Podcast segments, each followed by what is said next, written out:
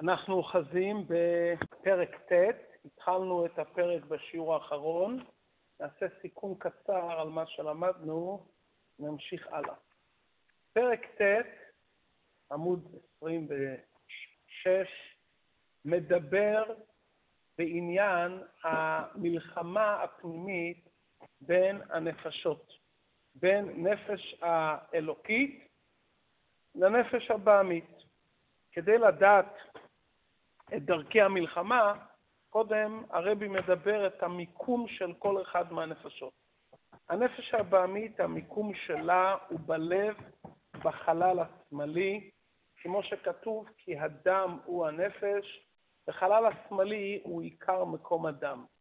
ולכן כל המידות של תאווה, כעס וכדומה, מקומן בלב האדם, תחילת ההתעוררות של המידות, ברגש הלב ולא בשכל שבמוח.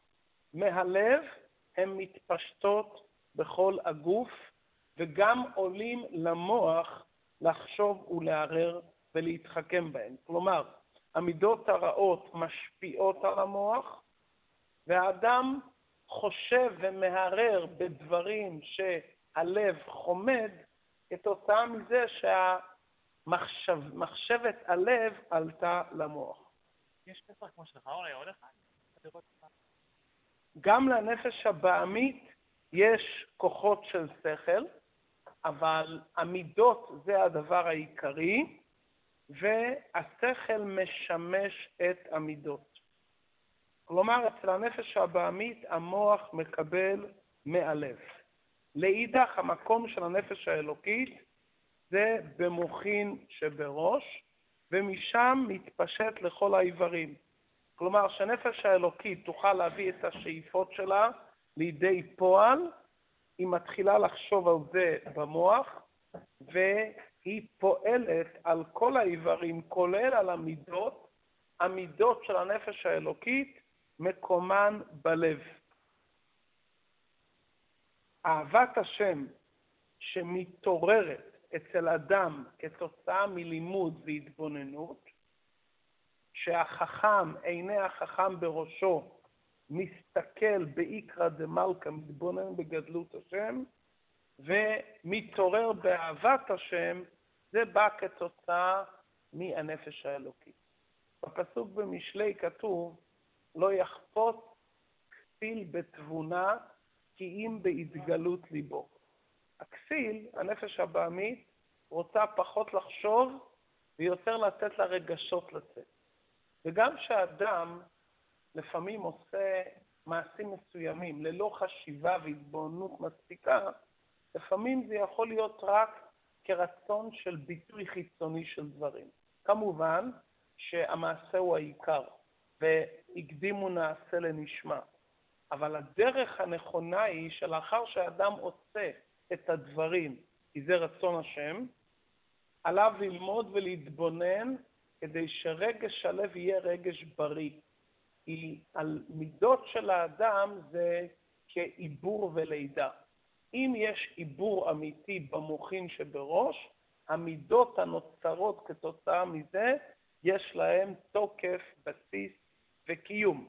אבל אם ישנם מידות שבאים כרגש הלב, ללא לימוד והתבוננות והתעמקות, המעשה הוא העיקר והמעשה טוב שעשית. אבל כדי שלרגש יהיה קיום, חייב שאדם ילמד על הדבר במוחין שבראש. ואז יש לזה קיום. אה, חסידות מבואר שסוד נטילת ידיים זה העלאת המידות למוחין. כלומר, לרומם את המידות למוחין, הידיים זה מרמז למידות, כי הידיים יוצאים מסמיכות מקום הלב, וההגבהה של הידיים לאחר נטילת ידיים ונטילת הידיים זה שיהיה הארת המוחין במידות, שלא יהיה מידות ללא מוחין. כבר בפרק ג' של התניא דיברנו שמידות בלי מוחין אין לזה קיום, וזה נועד לכישלון. כדי שלרגשות יהיה תוכן אמיתי, צריך שאדם יעמיק את מחשבתו ויסתכל בעיקר דמלכה, כמו שדיברנו, ההבדל בין ראייה להסתכלות. ראייה זה דבר חיצוני, הסתכלות זה דבר פנימי. אם כן, לסיכום, נפש האלוקית עיקרה שכל, עיקר משכנה במוחין שבראש, משם היא מתפשטת לכל האיברים, כולל המידות בלב, לב חכם לימינו. נפש הבמית לעומת זאת, עיקרה מידות ועיקר מקומה בחלל השמאלי שבלב, גם המוחין של הנפש הבעמית הם משרתים ומשמשים ותפלים לעיקר הנפש הבעמית שעיקרה מידות. אבן הבוחן לאדם לדעת אם הוא נמצא במקום הנכון, אם הרצון שלו מגיע מהמוח, כלומר העניין מתחיל במוח, למדתי, הבנתי, ולכן אני מתעורר לעניין, או שלפעמים הרצון מתחיל מרגש לב חיצוני, ואז ל, ל, לרוב זה קשור עם הנפש הבעמית. כי גם השכל והטיעונים שתאמר לאחר מכן, זה יותר טיעונים של הצטדקויות והתחכמויות והסברים להסביר את מה שמתחשק לך בלב. נחזור על משפט מאוד חשוב, אין המדובר כאן בנוגע לקיום השולחן ערוך. קיום השולחן ערוך נעשה ונשמע, זה רצון השם.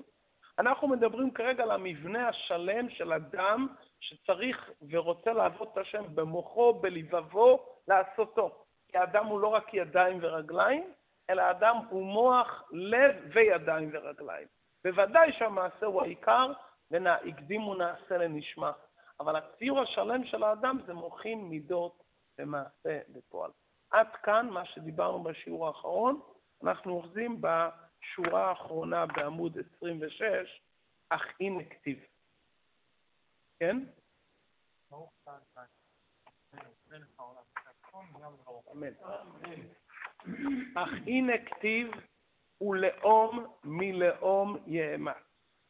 למרות שלכל אחת משתי הנפשות יש מקום מיוחד בגוף, אבל אין הכוונה שכל אחת מתעסקת רק בענייניה, אלא כל אחת מהנפשות מתאמצת להתגבר ולמנוע מזולתה להשתמש בגוף. כל אחת רוצה להיות שולטת בלעדית על הגוף. כלומר, שתי הנפשות נלחמים על הגוף. זה הכוונה לאום מלאום יאמץ, כמו שיעקב ועשיו, שזה קם זה נופל, שזה קם זה נופל, ככה גם בתוך האדם. כשנפש האלוקית היא בהתגברות, הנפש הבעמית נמצאת במקום למטה. כשנפש הבעמית נמצאת בהתגברות, נפש האלוקית נמצאת בחלישות. כי הגוף נקרא עיר קטנה. הנאמר בקהלת, עיר קטנה ואנשים במעט, בא עליה מלך גדול, חז"ל דרשו, העיר הקטנה זה הגוף, האנשים שנמצאים בה זה האיברים, המלך הגדול זה היצר הרע, והחכם זה היצר הטוב. וכמו ששני מלכים נלחמים על עיר אחת, שכל אחד רוצה לכובשה ולמלוך עליה, דהיינו להנהיג יושביה כרצונו, ושיהיו שרים למשמעתו בכל אשר יגזור עליהם. שני מלכים נלחמים על עיר, אף אחד לא מוכן שיהיה בתוכה מישהו אחר. כל אחד רוצה לשלוט ולמלוך על העיר, שכל יושבי העיר יקשיבו למה שהוא רוצה. כך שתי הנפשות, האלוקית והחיונית הבעמית שמהקליפה, נלחמות זו עם זו על הגוף וכל איבריו. כלומר, לפי פשוטם של דברים, כביכול יש לאדם נפש אחת ויש שני יצרים. בעיקר המלחמה בין שני היצרים. לא על גוף האדם, אלא על הנפש של האדם, כלומר, על הכישרונות שלו ועל הכוחות שלו. יצר אחד מושך להשתמש בכוחות והכישרונות לדברים טובים, ויצר שני מסית להפך. אדמו"ר הזקן לומד שונה. אין כאן מלחמה בין שני יצרים על הנפש, אלא יש כאן שתי נפשות שנלחמות על הגוף. כל נפש יש לה קומה שלמה. יש פה שכל, מוחין, לב, מידות וכוח המעשה של הנפש האלוקית. והנפש האלוקית יש לה ציור שלם. הנפש הבעמית יש לה גם ציור שלם. וכל אחת מהן נלחמת שהגוף והאיברים יהיו שרים למשמעתה, או של הנפש האלוקית, או של הנפש הבעמית. ומכיוון ששתי הנפשות שוכנות בגוף אחד, וכל אחת יכולה להתגלות רק באמצעות הגוף, אז אם נפש אחת תשתמש באיברי הגוף, היא מכריחה את הנפש השנייה להסתלק. הנפש הבעמית עומדת כל הזמן על הקו ומחכה מתי תרד מהקו. אתם מכירים את זה, יש לפעמים בטלפון, אדם מתקשר טורדני, מחייג לך שיחה ממתינה, מחכה שתרד מהקו, הוא מיד עולה. הנפש הבעמית היא ככה, מצלצלת כל הזמן, אם אתה פנוי רגע אחד ואתה לא שולט על הגוף, היא מיד נמצאת. אני פה, אני כבר נמצאת. זאת אומרת, אתה לא צריך לקרוא לה להזמנה. היא עומדת על הקו כל הזמן. והעצה היחידה זה שהנפש האלוקית תהיה ביזי להנהיג את הגוף כרצון השם. כי אם הנפש האלוקית לא ביזי, לא עסוקה לגמרי, שכל האיברים יהיו כרצון השם, מיד הנפש הבעמית היא נוכחת, היא לא צריכה להזמין אותה משום מקום. היא נמצאת, זה לא רק שהיא נמצאת, היא מחכה לרגע שהקו יהיה פנוי, ואז היא מיד עולה על הקו ומשתמשת בגוף. העצה היחידה לא לתת לנפש הבעמית להשתלט על הגוף, זה פשוט שהנפש האלוקית תהיה בתנועה ובעשייה חיובית. כמה שהנפש האלוקית יותר בתנועה ועשייה חיובית, הנפש הבעמית לא נמצאת. נראה את זה בהמשך התניא, מעט אור דוחה הרבה מן החושך. וזו נקודה חינוכית לכל אחד מאיתנו בחייו האישיים ועם הסביבה. שאדם מעסיק את עצמו בעשייה חיובית, אין לו זמן לדברים אחרים. ברגע שהוא פנוי, ברגע של פניות, באותו רגע הנפש הבמית אומרת, אני כבר כאן, אני כבר נמצאת, והיא מעסיקה אחד, שתיים, היא מוצאת התעסקויות. היא נמצאת בתוכנו כל הזמן, לא צריך לקרוא לה משום מקום אחר. אז לכן, שהאני של הגוף ואיבריו זה הנפש האלוקית, חלק אלוקם ממעל ממש, בכל הפעולות ובעבודת השם, אז זה בסדר גמור. אבל שהאני של האדם, הנפש הבעמית, היא משתלטת על הגוף בדברי הנאה חומרית זולה מענייני עולם הזה המיותרים והמבלבלים, ודרך ממילא הנפש האלוקית לא נמצאת בתמונה. והמלחמה הזאתי, מהרגע שהאדם בא לעולם, בפרט מאז שהוא מתחיל להבין, עד 120. ביום האחרון לחיים חיותו בעל מדה, יש את המלחמה וההתמודדות הזאתי, מי ישלוט על הגוף? מי יהיה פה בעל הבית? מי יהיה זה שאומר שהוא לא מכניס אחרים? הרב עכשיו מתחיל פרק שלם לפענח מה הרצון של הנפש האלוקית. ציור נפלא. לתאר כזה דבר זה רק מי שמרגיש את הנפש האלוקית. אדמו"ר הזה כן פה מדבר מהנפש האלוקית. מה הרצון של הנפש האלוקית? בואו נראה איך שהוא מתאר את הדברים. שהאלוקית חפצה ורצונה, שתהא היא לבדה המושלת עליו ומנהיגתו, וכל האיברים יהיו שרים למשמעתה. כמו שהמלך רוצה לשלוט באופן מוחלט, נפש האלוקית רוצה לשלוט על הגוף באופן מוחלט. רגע, רגע, רגע, רגע, אנחנו לא באלוקית, בואו נחכה. כי היא יודעת שאם היא תשלוט על הגוף, והנפש הבעמית יותר קרובה לגוף, אם אברי הגוף שחיים מנפש החיונית יהיו מונהגים ומושלטים על ידי הנפש האלוקית, אז זו הצלחה נפלאה. והנפש החיונית הרי היא מחיה את הגוף, והנפש האלוקית רוצה לשלוט גם על אותם חלקים שמונהגים ביום-יום על ידי הנפש החיונית. כי כוח התנועה וכוח האכילה זה הכל הנפש החיונית הטבעית הבעמית. החיונית הטבעית והבעמית זה אותו נפש. האלוקית זה נפש אחרת, והיא רוצה לשלוט על החיונית. והיא רוצה לא רק שהאיברים יקשיבו, ובטלים אצלה לגמרי. היא רוצה שהם יקשיבו עד הסוף למה שהיא רוצה. זאת אומרת, לא רק בעל כורחם, אלא שהם יעשו את זה מתוך רצון. הנפש האלוקית רוצה שהגוף ילך אחרי הנשמה מתוך רצון. הוא מרכבה אליה. מה זה מרכבה? שהרוכב רוכב על המרכבה, למרכבה אין שום רצון אישי. המרכבה עושה כל מה שהרוכב רוצה. כלומר, הנפש האלוקית רוצה שהאיברים יהיו בצאלים בדרך ממילא, כאילו שאין להם רצון עצמי משלם. שהם יהיו כל כך דבוקים ומאוחדים עם הנפש האלוקית, שהביטול שלהם יהיה מוחלט. מה הדיוק כאן כמרכבה? יש עבד שבטל לאדונו, אבל כשעבד מתבטל לאדונו ומציית לפקודות האדון, סוף סוף העבד הוא מציאות עצמאית. יש לו רצונות פרטיים משלו, אבל הוא מכניע את עצמו ומבטל את עצמו לרצון אדונו.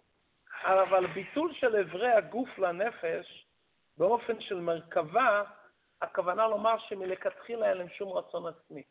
כמו שהמרכבה, אין לה שום רצון. ככה הנפש האלוקית רוצה שאיברי הגוף יהיו בטלים לרצון השם, יותר מאשר עבד כפוף לאדונו.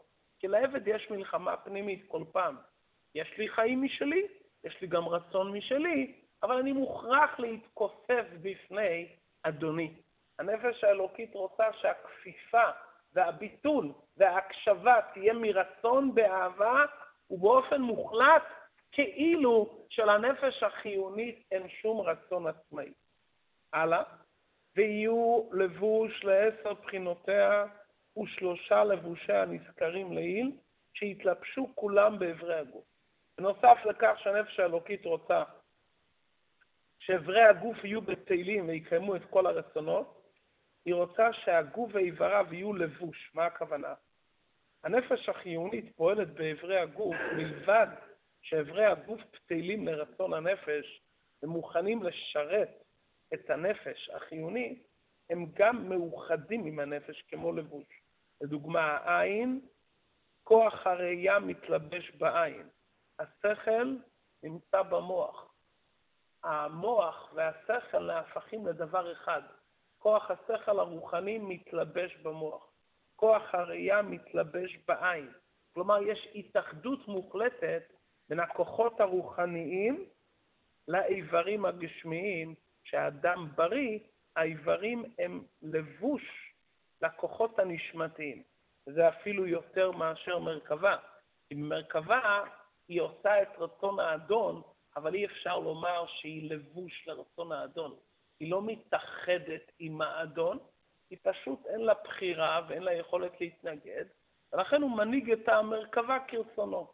אבל איברי הגוף שהם בטלים לנפש, והכוחות הרוחניים שהם בטלים, כלומר, האיבר הגשמי שהוא בטל לכוח הרוחני, זה באופן שהוא מתאחד לחלוטין. והרצון והחפץ של נפש האלוקית, שאיברי הגוף יהיו לבוש לכוחות של הנפש האלוקית, באופן שהם יתלבשו. לא רק שהם ישלטו, ולא רק שהם יהיו, ולא רק שהם יקשיבו לרצון הנפש האלוקית, אלא שהם פשוט יתאחדו בביטול ומתוך אהבה שאי אפשר להפריד בין כוח הראייה לעין. זה, התוכן והמהות של האיבר זה הכוח הנפש האלוקי הרוחני שמתלבש בתוכו. ויהיה הגוף מלא מהם לבדם. הנפש האלוקית רוצה שכל האיברים יהיו מלאים, כלומר השליטה תהיה מוחלטת בזמן, בכוחות, שלא יישאר כוח אחד לזמן מה, שיהיה לו לעצמו משהו. ולא יעבור זר בתוכם חס ושלום. נפש האלוקית הולכת על כל הקופה. היא לא מוכנה לתת דריסה לנפש הבעמית, אפילו מעבר של אוטונומיה. הרב אמר, חרב של שלום לא תעבור בארצכם. אפילו חרב של UN גם לא תיכנס לארץ הקודש. הנפש האלוקית אומרת, אני לא מוכנה לתת לנפש הבעמית גם לעבור משהו, ככה לעשות ביקור. לא. אני רוצה לשלוט עד הסוף. באתי לעולם כדי לשרת את השם, והגוף ואיברי הגוף והכוחות והלבושים, כולם צריכים להיות בטלים. זה הרצון של נפש אלוקית, היא באה הרי מעולם העליון. שם הרי רואים שאין עוד מלבדו. היא רואה את האמת, והיא זוכרת את האמת, והיא יודעת את האמת. אז היא אומרת, אני לא רוצה להתבלבל בעולם הזה מהצמצום, מהמסך, מההסתר. אני רוצה להישאר כמו שהייתי למעלה, שכל הגוף וכל איברי הגוף היו כולם שם אין איברים גשמיים, אבל שם כל הכוחות שישנם, מלאכים, צרפים, כולם עומדים בדבקות מוחלטת עם הכוח האלוקי. אז זה הרצון של הנפש האלוקית. כלומר, המדרגות הנעלות בעבודת השם, שאדם לא שייך לרע, זה מדרגות של צדיקים, יחידי סגולה. כי הנשמה מצד עצמה היא חלק אלוקה ממעל ממש. כשהיא יורדת ומתלבשת בגוף הנפש הבעמית, היא לא יכולה להגיע לדרגה כל כך גבוהה כמו שהיא הייתה למעלה. אבל מצד המהות של הנפש האלוקית, כשאתה שואל אותה מה את רוצה, היא אומרת, אני רוצה שליטה מוחלטת כמו שהיה בעולם העליון. כמו שבעולם העליון ראיתי, הכרתי באופן ודאי, לא היה בכלל עם מי להתווכח. בעולם העליון אין עוד מלבדו כפשוטו, וזה היא שואפת. האם האדם מרגיש את זה? שזה להרגיש את זה צריך הרבה הרבה להתנקות והרבה עבודה כדי לשמוע את הרצון של הנפש האלוקית. אבל בעצם זה הרצון של הנפש האלוקית. והרבי לא מסתפק, הוא מתאר לנו מה הרצון של הנפש האלוקית, ואחרי שהוא אמר את זה באופן כללי, מרכבה ולבוש ולא יעבור זר, הוא עכשיו, עד סוף הפרק, הוא מתאר מהו הרצון של הנפש האלוקית בפרטי פרטיות.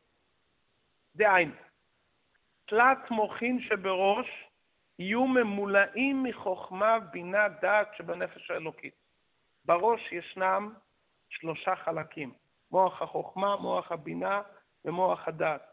הנפש האלוקית רוצה שכל הכוחות האלו יהיו מלאים מנפש האלוקית. מה זה נפש האלוקית בענייננו? שהיא חוכמת השם ובינתו להתבונן בגדולתו אשר עד אין חקר ואין סוף. כלומר שבכוח החוכמה להשכיל, בכוח הבינה להבין ולהתבונן ולהוליד ממנה על ידי הדעת היראה במוחו ופחד השם בליבו. הרצון של הנפש האלוקית שהמוחים יהיו ממולאים וגם הלב יהיה לבוש באופן מלא מהם לבדם. כלומר, דיברנו בפרק ג' של התניא שהחוכמה והבינה זה אבא ואימא שמולידות אהבת השם ויראת השם, וכדי שהמידות יהיו אמיתיות ולא יהיו דמיונות שווא, האדם צריך אפילו לגלות לא רק את החוכמה והבינה, אלא גם את כוח הדעת. מה זה כוח הדעת? התקשרות, התחברות, בלשוננו, הפנמה של הדברים, הכרה של הדברים והפנמה של הדברים. וברגע שהאדם מתעורר באמצעות הדעת, מתעורר אצלו יראת הרוממות, אהבת השם, חוכמה ובינה עדיין לא מולידים את זה. כי חוכמה ובינה זה מאגר מידע. דעת זה התקשרות, התחברות, הכרה והרגשה, הפנמה שתוליד מזה יראת השם ופחד השם בליבו. ואהבת השם כאש בוערה בליבו כרשפי שלבת. להיות נחשפה וגם קלטה נפשו וחשיקה וחפיצה לדופקה בו באין סוף ברוך הוא, בכל לב ונפש ומאוד מאומקא דליבה שבחלל הימני. הנפש האלוקית רוצה שיהיה כזה צמאון להשם, שכל הכוחות, אפילו היצר הרע, אפילו הנפש הבעמית, שנמצא בחלל השמאלי, שגם הוא יתגל, יתעורר באהבה וכיסופים להשם, מאומקא דליבה. שיהיה תוכו רצוף אהבה מלא וגדוש. עד הסוף. עד שתתפשט גם לחלל השמאלי. הנפש האלוקית אומרת, אני לא מוכנה רק שאיברי הגוף יהיו מלאים. אני רוצה שזה ילך גם לחלל השמאלי, ששם זה מקום משכן הנפש הבעמית. איך זה יתבטא? אתם רואים את הלשון פה, רצוף אהבה, מלא וגדוש. כלומר, שיהיה הכל מלא, לא יישאר כלום. עד שתתפשט גם לחלל השמאלי, לאיקפיה לסיטרא אחרא. עד שאהבת השם רצוף, זה הכוונה לומר, כמו שדבר נמצא על הרצפה, תופס את כל החלל. מלא, זה כמו שהכלי מלא, וגדוש אפילו מחוץ לכלי אין זה אחדות. הכל מלא. השטח מלא, הכלי מלא מבחינה כמותית, ועוד זה נשפך על גדותיו, וזה גורם לאיקפיה לסיטרא אחרא. כלומר, האהבה של הנפש האלוקית תתפשט גם לחלל השמאלי שבלב, תשפיע גם עליה. יסוד המים הרעים שבה, שהיא התאווה שמקליפת נוגה. זאת אומרת, יש הרי ארבעה יסודות רעים רוחניים, שמהם באים כל המידות הרעות. תאוות התענוגים, למדנו, זה מיסוד המים, כי המים מצמיחים תענוג. נפש הבעמית מאוד קרובה ליסוד המים, כי נפש הבעמית בעצם מהותה היא בעל הנאה, היא אוהבת מאוד את ההנאות. כלומר, שעיקר הכוחות שלה באים מיסוד המים, ולכן היא מחפשת עונג ותענוג, זה נפש הבעמית. ולכן עיקר הביטול של הנפש הבעמית, מתי שיסוד המים הרעים שבתוכה, שזה המשיכה לכל ענייני התענוגים, שזה עצם המהות של הנפש הבעמית, מה יהיה?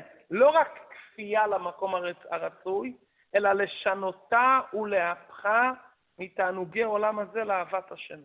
במקום שיהיה לה משיכה לתענוגי עולם הזה, שיהיה לה תאווה לענייני קדושה. כי נפש הבעמית, כוח המתהווה שלה הוא טוב. הבעיה מה מלבישים את כוח המתהווה. האם מלבישים את כוח המתהווה על דברים פרטיים שליליים, שזה נקרא לבושים קצועיים, מחשבה, דיבור ומעשה שליליים, או שכוח המתהווה מתלבש על דברים טובים וחיוביים, ואז אה, הנפש הבעמית נעשית משרת לקדושה.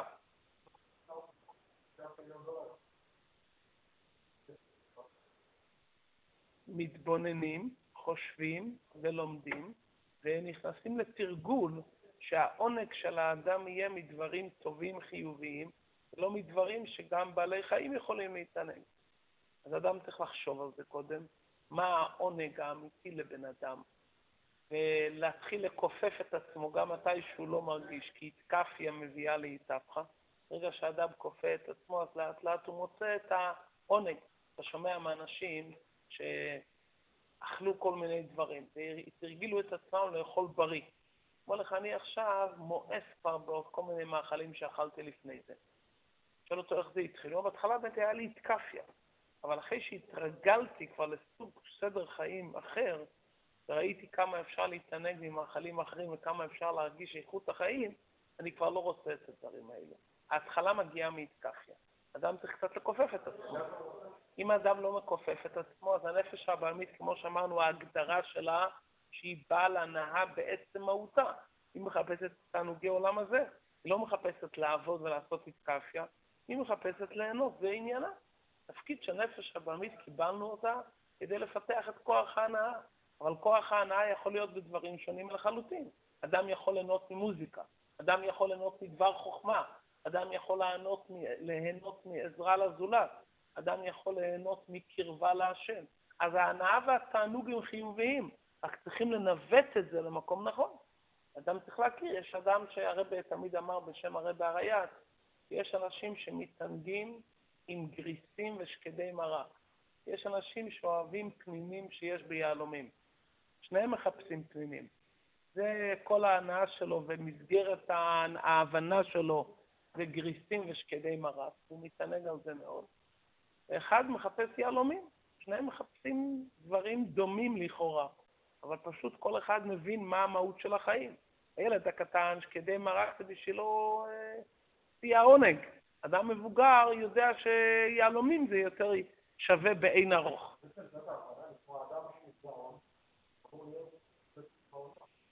אדם שהוא גאון משתמש בכוח ההבנה למה שהוא מבין כרגע שזה התכלית והעונג הנפלא. הוא צריך קודם למקד את עצמו במקום הנכון. אם הוא לא ממקד את עצמו במקום הנכון, יכול להיות איש הגאון ביותר. יש לך ילדים חכמים מתוחכמים מאוד, ומשחקים בארגז חול. זאת אומרת, זה לא מספיק ראש טוב. הראש טוב עוזר שהוא יכול להתמקד אם הוא ידע את הכיוון. צריך לכוון אותו לכיוון, קודם צריך לכוונן את הכיוון הנכון.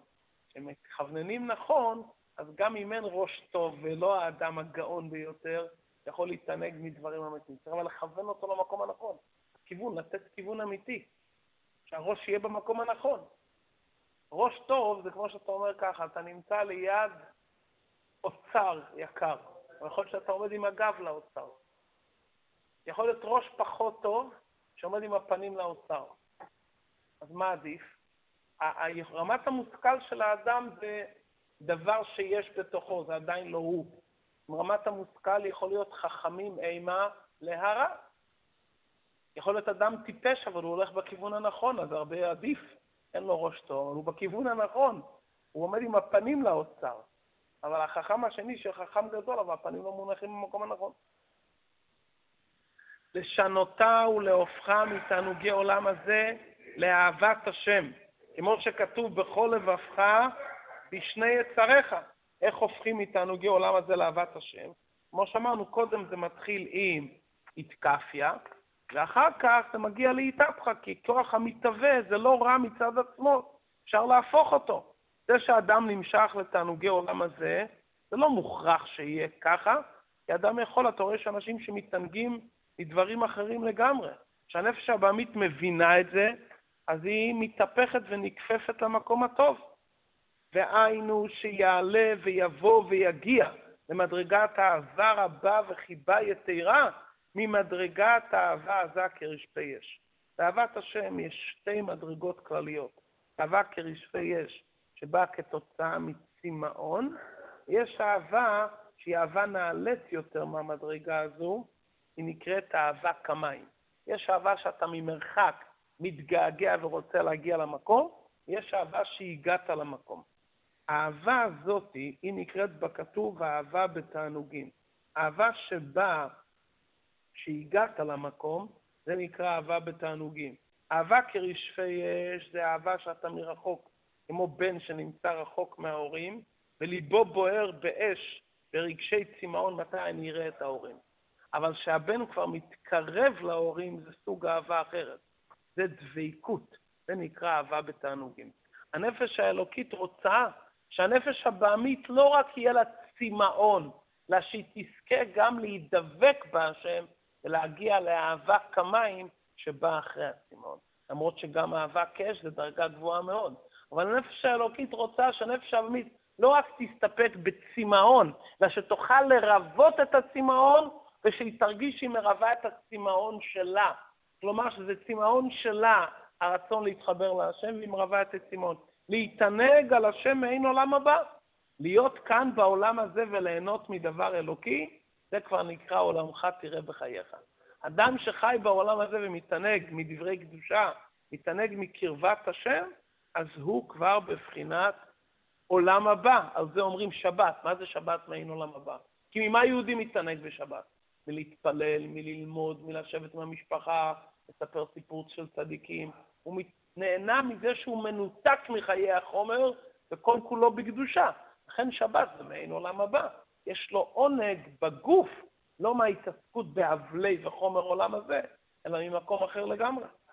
והעונג שיש לו הוא במוח וחוכמה ושכל, המתענג בהשכלת השם וידיעתו, כפי השגת שכלו וחוכמתו.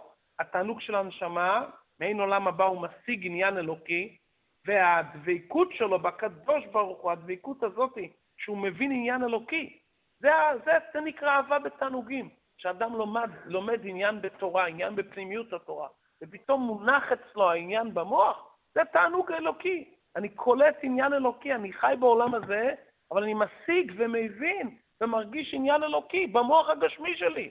יש לי מוח גשמי שיכול להבין ביזנס. יש לי מוח גשמי שיכול לרדוף אחרי ענייני העולם הזה. וזכיתי שהמוח הגשמי שלי מתענג מהשכלה אלוקית מידיעת השם. זה תענוג של ההשגה, שהמקום של זה זה לא רק בלב, אלא גם במוח. וזה עולמך תראה בחייך, שאדם זוכה במוח הגשמי להתענג. וזה המים שכנגד המים של הנפש הבעמית. קודם דיברנו על תענוגי עולם הזה, זה מים של נפש הבעמית. הוא בחינת המים וזרע אור זרוע שבקדושת נפש האלוקית. מה שנזרע בנשמות כל אחד מאיתנו, יש לו חוכמה שבנפש, ששם זה המים שבנפש האלוקית, שהוא יכול להתענג מהשכלה האלוקית, מידיעה במוח. כלומר, יש כאן קודם צמאון להשם, ואחר כך לרוות את הצמאון, זה יסוד האש וזה יסוד המים. זרע אור זרוע שבקדושת נפש האלוקית, המהפכת לטוב את בחינת המים שבנפש הבעמית, שמהם באו תאוות תענוגי העולם הזה בתחילה. זאת אומרת, אהבה בתענוגים היא יכולה להפוך את הנפש הבעמית. כי הנפש הבעמית התענגה במים של ענייני עולם הזה. כדי שהנפש האלוקית תוכל להפוך את כוח המתהווה של נפש הבעמית לטוב, לא מספיק אהבה כרשפי אש מצד הצמאון. כי היא צריכה להרגיש את העונג, אם היא תרגיש רק צמאון, אז היא תגיד, בענייני עולם הזה אני מרגישה תענוג, בענייני קדושה אני מרגישה רק תענוג, עדיף לי להיות בתענוגי עולם הזה. לכן אם לא תביא את הנפש הבעמית לתענוג באלוקות, עדיין היא כל הזמן תאמר לנפש האלוקית, ראשית כל אני בכלל לא מתענגת מדברים כאלו. ואם כן, לפעמים יש לי קצת צמאון לדבר טוב, אבל אני לא מצליחה להתענג מזה, אז אני לא יכולה להפוך את עצמי לשמה. לכן יהודי צריך למצוא את העונג בקדושה, שגם הנפש הבעמית תרגיש את העונג, כי רק אז זה יכול למלות את הוואקום שנוצר מצד שנפש הבעמית היא בעל הנאה בעצם מהותה, והיא כל הזמן משדרת לאדם הנאות ותענוגים. אז אם אדם לא יצליח להגיע לעונג בקדושה כאן בעולם הזה, תמיד התחרות לא תהיה שווה לנפש הבעמית, וזה באמת עיקר העניין של תורת החסידות. להתחיל בקבלת עול, אבל להגיע לעונג אלוקי. ראשית העבודה זה קבלת עול, אחר כך צריך להגיע לתענוג. כמו שהשבת זה עונג, אז ככה יהודי צריך לעבוד את השם מתוך עונג. זה על ידי לימוד פנימיות התורה והתקשרות לרבה, לצדיק. הוא נותן ליהודי את העונג בנשמה. בפרט שהרבה זה גם הנשיא השביעי, שעל דרך שבת עניינו עונג, לתת ליהודי עונג באלוקות, ואז באמת העונג, כמה שהוא מתענג יותר מהשגה אלוקית, ומתענג הנפש האלוקית, מתמעט אצלו התענוגים מדברים אחרים. כמו שכתוב בעץ חיים שער נ' פרק ג' בשם הזוהר, שהרע נהפך להיות טוב גמור, כמו יצר טוב ממש. מתי זה קורה? כשתענוגי עולם הזה מתהפכים כמו נפש האלוקית, מתי שאדם יש לו עונג בקדושה, אז בדרך מילא הוא זורק את העונג האחר. הוא לא זקוק לעונג מענייני עולם הזה המיותרים והמאוסים, כי הוא מתענג ממקום אחר. והסיר הבגדים הצועים ממנו, שאין תענוגי עולם הזה שהוא מלובש בהם. בינתיים הנפש הבעמית שולחת לו תענוגים מעולם הזה, אבל זה לבושים צועים ליהודים. כי הכוח המתהווה שלו יכול להתהוות לטוב לדברים אחרים לגמרי. כשאדם משתמש בכוח המתהווה לתאוות גשמיים, אז הוא פוגם ומלכלך את העונג הנפשי שיש לו. כי תענוגי עולם הזה זה בגדים צועים שמלכלכים את הלבושים הרוחניים של האדם. אבל ברגע שיהיה לו עונג בקדושה, אז בדרך מילא הוא יימק באותו עונג. וכן שאר כל המידות שבלב, לא רק אהבה ויראה שדיברנו בהם כרגע, אלא כל המידות שמנפי היראה והאהבה יהיו להשם לבדו. וכל כוח הדיבור שבפה והמחשבה שבמוח יהיו ממולאים מן לבושי המחשבה והדיבור של נפש האלוקית לבדה, שהן מחשבת השם ותורתו. הנפש האלוקית רוצה שכל הלבושים יהיו שם, להיות שיחתו כל היום לא פסיק פומי מגירסה. הוא רוצה שאדם כל הזמן ישתמש בכוח הדיבור לדברי תורה, לדברי קודש, בכוח המעשה שבידיו. ושאר רמ"ח איבריו יהיו במעשה המצוות לבד, שהוא לבוש השלישי של נפש האלוקית. עד כאן הרי בעמוד שלם תיאר מה הרצון של הנפש האלוקית. עכשיו, בסוף הפרק הוא אומר שתי שורות מה הנפש הבעמית רוצה. אדמו"ר הזקן רוצה שנכיר את הרצון של הנפש האלוקית. עמוד וחצי, הבינוני. עמוד וחצי מדבר, מתאר מה היא רוצה. כזה ציור חי. תדע מה הנפש האלוקית שלך רוצה. אך, נפש הבעמית שמהקליפה, רצונה להפך ממש. כל מה שאמרנו קודם היא רוצה הפוך. אין לי מה להגיד לך מה היא רוצה. היא רוצה הכל להפך. כל מה שנפש אלוקית רוצה, היא רוצה הפוך. היא רוצה לפתות את האדם, לכל הדברים, היא רוצה, היא לא מוכנה להתפשר. נשאלת השאלה, למה השם נתן לנו נפש הבעמית? שייתן לנו רק נפש אלוקית. לטובת האדם שיתגבר עליה וינצחנה. הטובה האמיתית של האדם שיעמוד בניסיון ויגלה את הכוחות שלו ויתגבר עליהם. אם אין נפש הבעמית שמנגדת, אז האדם לא עובד את השם בכוחותיו ויגיעתו. עבודה ויגיעה זה מתי שאתה צריך להוציא את הכוחות. יש מישהו שמפריע, אז אתה יכול לגלות את הכוחות שלך. אז זה שהנפש הבעמית מנגדת את הנפש האלוקית ונלחמת בה בכל הכוח, היא ממלאת את הרצון של השם. הקדוש ברוך הוא רוצה שהאדם יעבוד אותו בכוחותיו, בהתערותא דלתתא, ויגלה את הכוחות שלו ויתגבר. אם לא יהיה כוח המונע, מה פתאום שאדם יעשה את זה? אז הקדוש ברוך הוא נותן לך כוח המונע, אבל כל המטרה בזה כדי לעורר אצלך את התשוקה. כמו שכתוב בחסידות, שהסכר בים עניינו להגביר את עוצמת זרימת המים. אבל אם לא היה סכר, אז המים היו זורמים ככה. יש סכר שעומד חזק, שובר גלים, אז הוא אחר כך מגביר. כל המטרה של נפש עמי זה לטובתך, שתגלה את הכוחות שלך, תעצים את הכוחות שלך. כמשל הזונה שבזוהר הקדוש. הזוהר הקדוש מובא, זוהר שואל, מה פתאום השם מראה את היצר הרע? הרי היצר הרע הוא מלאך ושליח של השם, איך ייתכן שהוא יעבור על רצון המלך? אז הזוהר עונה משל למלך שרצה לנסות את הבן היחיד שלו. ובשם כך הוא שכר איזה אישה, שתנסה לפתות אותו. מה הרצון של המלך? שהיא תפתה והוא יפותה, או שהרצון של המלך שכולם יראו איזה בן מחונך יש לו, שלמרות שהייתה אותו אישה, תראה איזה כוחות חינכתי אותו, שהוא לא יסתכל לגמרי לכיוון שלה. זה כל הרצון של המלך. מה, המלך רוצה להכשיל את הבן שלו? אז כל הכוונה היא הפוך, שלא יציית. ואז יהיה למלך תענוג. בתואר הקדוש כתוב שאם היא תצליח בלפתות אותו, היא נענשת, כי הוציאה לעז על המלך ועל בנו, והוא נענש. כולם יוצאים מופסדים. זאת אומרת, היא מדברת בדו-פרצופיות. היא כביכול מפתה, היא אומרת, רק שלא יתפתה, כי המלך שלח אותי להראות איך שהבן שלו מוצלח, איך שהבן שלו מיוחד. אז כשהעץ הרע מדבר אליך, תזכור, הוא מדבר להראות עד כמה אתה מיוחד, עד כמה אתה עוצמתי, עד כמה אתה חלק אלוקה ממעלה ממש. תבין מה שהוא אומר לך, תקרא את מה שהוא אומר. הוא מדבר איתך בשפה אחת, אבל הכוונה שלו לגמרי אחרת.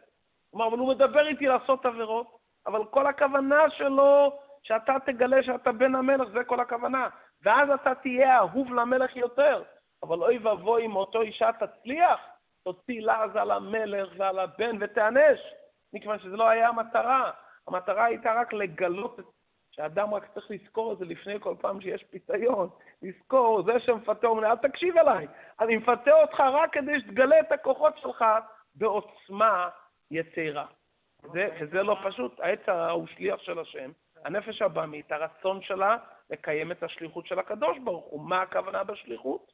שהאדם מתגבר עליה, זה הכוונה, זה הטובה של האדם. אז יוצא מכאן עידוד גדול מאוד לאדם בעבודת השם. יש כאן מלחמה של שתי הנפשות על גוף האדם, כמו שני מלכים שנלחמים על עיר אחת. כל אחת רוצה לכבוש את הגוף שתהיה תחת ממשלתם. אבל יש דבר אחד שהמשל לא דומה לנמשל. במשל, שני המלכים נלחמים באמת עד הסוף. בנמשל, הנפש האלוקית באמת נלחמת עד הסוף. אבל הנפש הבעמית לא נלחמת עד הסוף, כי ההתנגדות שלה זה בשליחות המלך כדי שהנפש האלוקית תנצח. אז כשאדם חושב על זה, אומר, באמת, הנפש האלוקית היא באמת נלחמת באמת. הנפש הבעמית, הרי היא עושה את זה בשליחות השם, והיא גם היא בתוך ליבה רוצה שאני לא אשמע. אז בעצם יש לי כבר מעלה מאוד גדולה. אלא מה שאני צריך להקשיב לנפש האלוקית. אבל אם אני אקשיב לחיצוניות של הנפש הבעמית, מה שהיא מדברת, בחיצוניות היא מדברת לפתות אותי, ואתה יכול להתפתות. אבל השורש של הנפש הבעמית למעלה זה שהאדם לא יקשיב אליה, אלא אדרבה שאדם יקשיב לנפש האלוקית. אם כן, למדנו בפרק הזה על המלחמה של שתי הנפשות על גוף האדם, והכוונה הפנימית שאדם יקשיב לנפש האלוקית, גם באותם רגעים שנפש הבמית מדברת, כל כוונתה לעורר את העוצמה הפנימית של הנפש האלוקית.